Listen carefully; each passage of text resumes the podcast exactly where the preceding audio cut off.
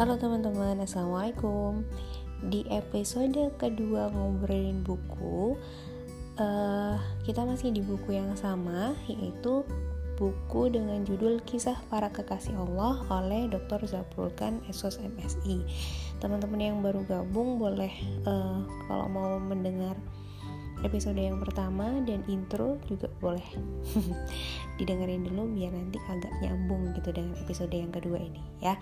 Sebelum kita masuk ke episode yang kedua aku pengen bahas sedikit tentang sufi sendiri itu apa kayak gitu. Karena uh, buku yang akan kita bahas ini membahas seputar sufi tasawuf filsafat dan lain sebagainya kayak gitu.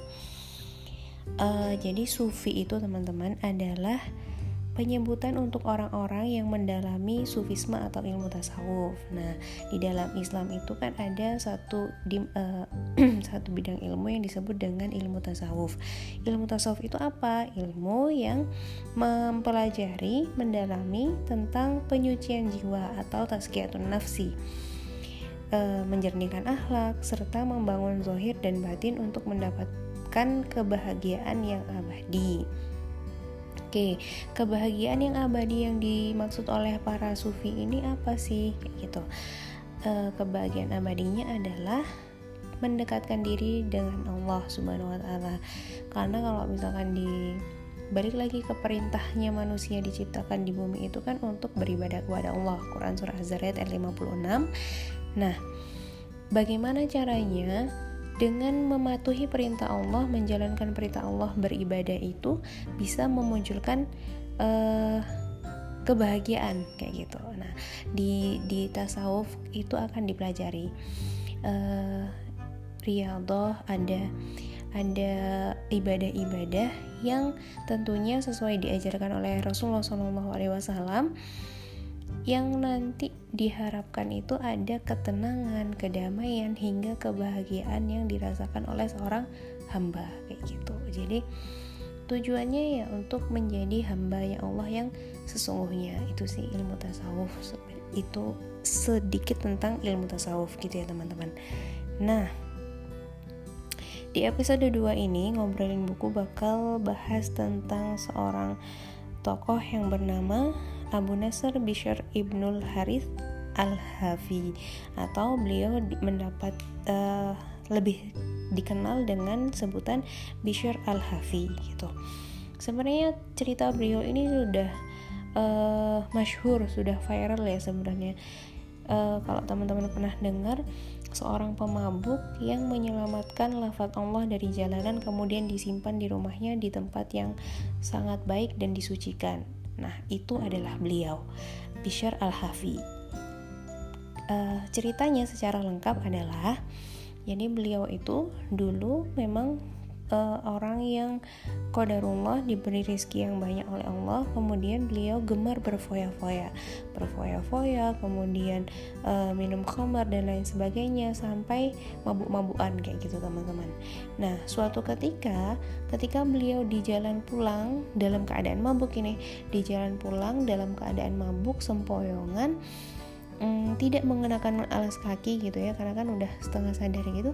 Tapi beliau itu menemukan satu secari kertas yang di di kertas itu tertulis lafaz Bismillahirrahmanirrahim Bismillahirrahmanirrahim. Nah kemudian beliau yang setengah sadar itu mengambil lafaz tersebut dan dibawa pulang ke rumah Setibanya di rumah, lava tersebut dibersihkan dari kotoran jalanan itu, kemudian diberi, diberi uh, air mawar teman-teman, jadi biar wangi gitu kertasnya. Uh, kemudian ditaruh di uh, tempat yang tinggi di rumah beliau. Jadi disucikan, beliau uh, di udah wangi kayak gitu terus di dicium oleh beliau kertasnya dan ditaruh di tempat yang tinggi. Jadi dalam keadaan seperti itu beliau mengagungkan uh, asma Allah yang tertulis dalam lafaz Bismillahirrahmanirrahim itu. Nah, sudah keesokan harinya, keesokan harinya uh, ada seorang sufi yang tinggal di sekitar di sekitaran rumahnya Bishr al-Hafi ini. Beliau memimpikan bahwasanya uh, Allah Subhanahu wa taala itu memberi salam kepada Bishr Al-Hafi melalui mimpi seorang sufi ini gitu. Salamnya kenapa? Intinya kalau di buku ini tuh dijelaskan Allah mengirimkan salam gitu ya karena uh, engkau telah mengharumkan nama Allah maka Allah akan mengharumkanmu kayak gitu. Engkau telah memuliakan nama Allah maka Allah akan memuliakanmu. Engkau telah menyucikan nama Allah maka Allah akan menyucikanmu. Karena itu yang itu pesan yang di yang uh, hadir lewat mimpinya seorang sufi gitu. Menyadari hal ini sufinya itu ketika terbangun mikir nggak mungkin lah itu kan uh, dia itu kan seorang pemabuk gitu ya. Nggak mungkin Allah itu menitipkan salam untuk orang itu untuk Bishr al-Hafi ini kayak gitu. Namun kemudian setelah beliau bangun kemudian beliau berwudu uh, dan kembali lagi ke tidurnya, beliau memimpikan hal yang sama hingga tiga kali teman-teman. Jadi sampai beliau itu merasa tertegun. Kalau sampai mimpi tiga kali itu kan uh, suatu hal yang yang uh, apa namanya yang hak gitu karena mimpinya orang-orang yang soleh orang-orang yang soleh ketika mendapat mimpi itu bisa menjadi petunjuk kayak gitu di kalangan orang-orang yang soleh. Nah, beliau ini kan seorang sufi yang yang uh, menyucikan uh, hatinya, uh, kemudian mendekatkan diri kepada Allah. Nah, karena sudah mimpi sampai tiga kali itu, beliau akhirnya pergi mendatangi Bishr al-Hafi. Nah, setelah beliau bertemu dengan Bishr al-Hafi, padahal ketika itu ya posisinya sama. Bishr al-Hafi itu setiap hari uh, berfoya-foya mabuk-mabukan kayak gitu. Nah akhirnya dia dipanggil diceritakan mimpinya itu kepada Bishr al-Hafi dari seorang sufi itu. Kemudian Bishr al-Hafi di situ tertegun dia merasakan kebenaran mimpi yang dialami oleh seorang sufi itu. Karena kan ketika itu tidak ada juga yang mengetahui uh, dia menyimpan lafaz Allah kemudian menyucikannya mengharumkannya tapi kenapa sufi ini juga bisa tahu kayak gitu? Nah itu kemudian menjadi jalan hidayah bagi Bishr al-Hafi gitu.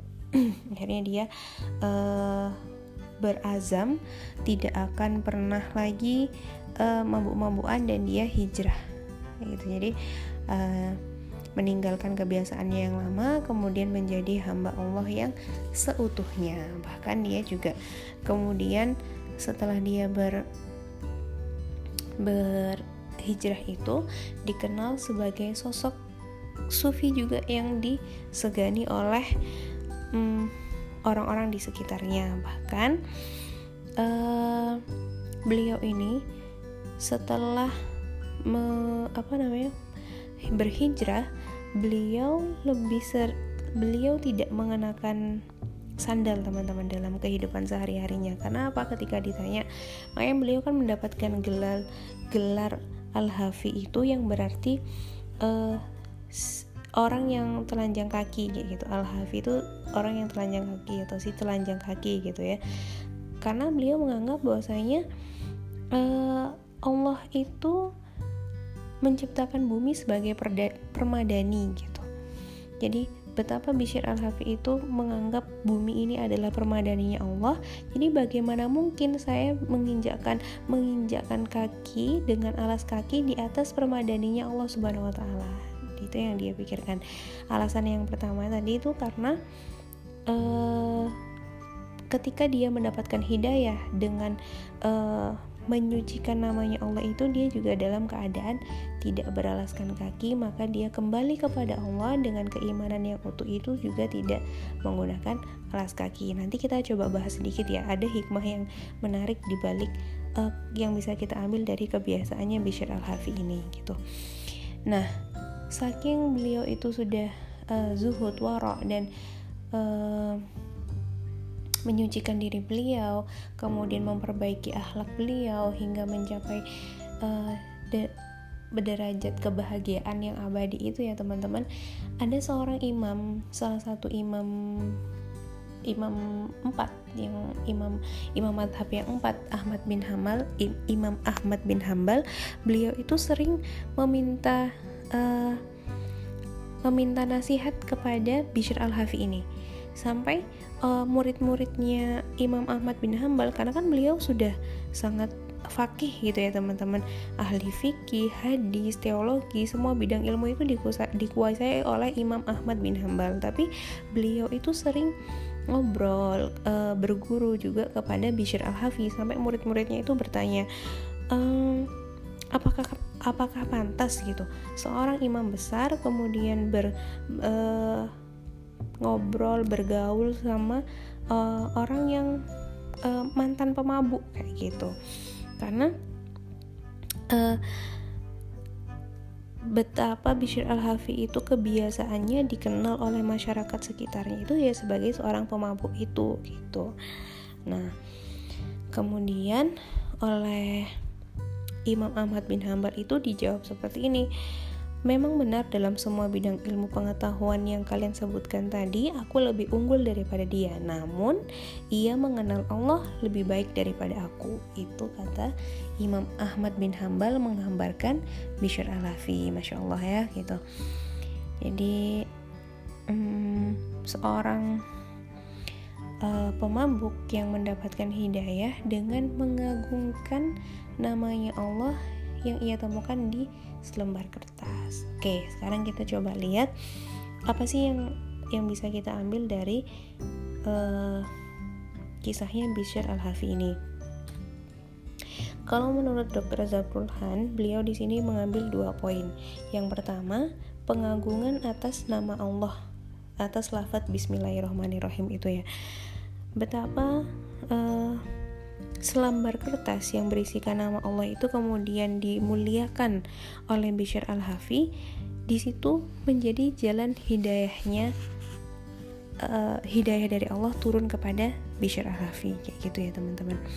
Nah um,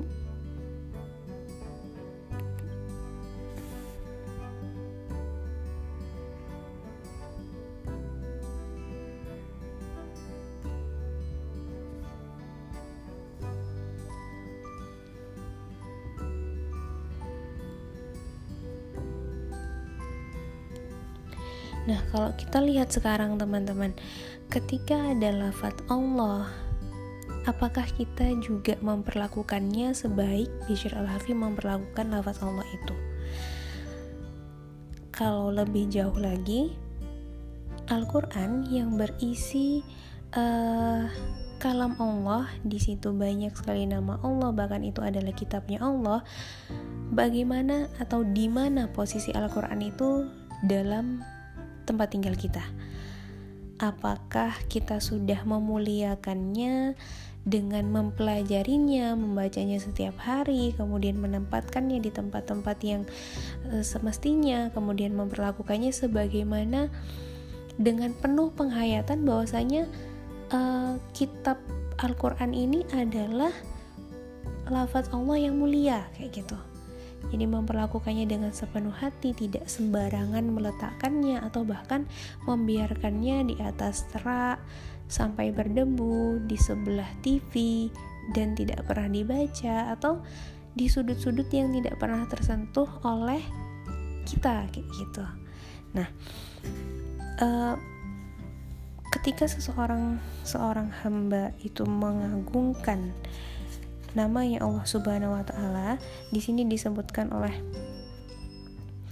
uh, eh, Dr. Zabrulhan dalam penjelasannya agungkanlah Al-Quran karena walaupun Tuhan tidak menyucikan Anda di dunia ini boleh jadi pengagungan Anda itulah yang akan membuat Allah ridho kepada Anda menghapuskan salah dan dosa-dosa Anda menyelamatkan Anda di akhirat kelak dari azabnya dan memuliakan Anda dengan kenikmatan surganya. Sungguh tidak ada yang tidak mungkin mengenai keajaiban kasih sayangnya. Masya Allah. Itu benar-benar um, tamparan gitu gak sih teman-teman? Ketika kita yang uh, biasa, maksudnya kita yang setiap hari sebenarnya punya banyak waktu untuk mendekatkan diri kepada Allah, memuliakan nama-namanya, me mengagungkan kalamnya dengan membaca kitab-kitabnya, mempelajarinya, mendam, me, uh, merenungi maknanya gitu. Tapi apa nih yang kita lakukan setiap hari? Kita nih disibukkan dengan apa kayak gitu ya.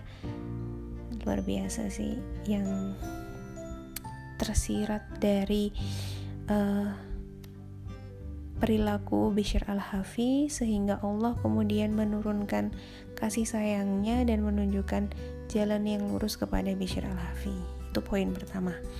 Poin kedua um, perilaku yang menakjubkan dari Bishr al-Hafi adalah ia enggan menggunakan alas kaki apa pun. Karena semesta ini adalah persada. Sebagaimana persada karena karena semesta ini dianggap sebagai permadani sakralnya Allah Subhanahu wa taala.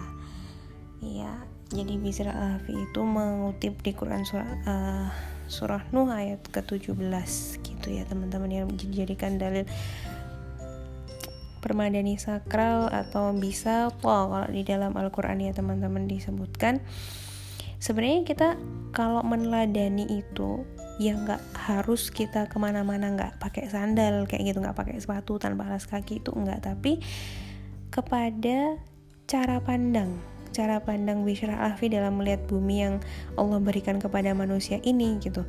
Kalau kita melihat bumi ini sebagai pemberian Allah yang uh, yang indah yang penuh manfaat gitu akan banyak um, hal yang bisa kita lakukan untuk menyelamatkan bumi ini gitu. Bagaimana kita menyayangi bumi ini kemudian menjaganya itu juga sebagai sudut pandang yang bisa kita ambil dari dari Bishir Al-Hafi ini. Beliau aja sampai tidak menggunakan alas kaki apa pun gitu dalam berjalan di atas bumi kayak gitu. Betapa beliau uh, menghormati keberadaan bumi ini kayak gitu menghayati keberadaan bumi. Nah kita kalau tidak kalau belum sampai pada level itu setidaknya bagaimana kita melihat bumi ini sebagai uh, rahmat yang Allah berikan untuk kita kayak gitu. Kita jaga kita uh, kita rawat dengan baik dan tidak kita rusak gitu. Dengan eh, sifat-sifat yang mungkin keinginan keserakahan manusia yang ada di dalam diri kita kayak gitu jadi menyadari kesadaran terhadap itu tuh yang benar-benar dicari oleh para sufi dan yang yang perlu untuk kita teladani dan kita terapkan di kehidupan kita sehari-hari gitu ya teman-teman. Makanya kenapa aku pengen teman-teman baca buku ini karena sebagus itu dan se sesederhana itu sebenarnya kisahnya tapi maknanya yang begitu luar biasa gitu. Oke, okay, episode kedua tentang Bishr Al-Hafi ngobrolin buku kisah para kekasih Allah ini. Semoga bermanfaat. Kita bisa meneladani sedikit demi sedikit. Semoga Allah mudahkan kita menjadi hamba yang lebih baik, lebih dicintai juga oleh Allah Subhanahu wa taala. Amin ya rabbal alamin. Terima kasih. Wassalamualaikum.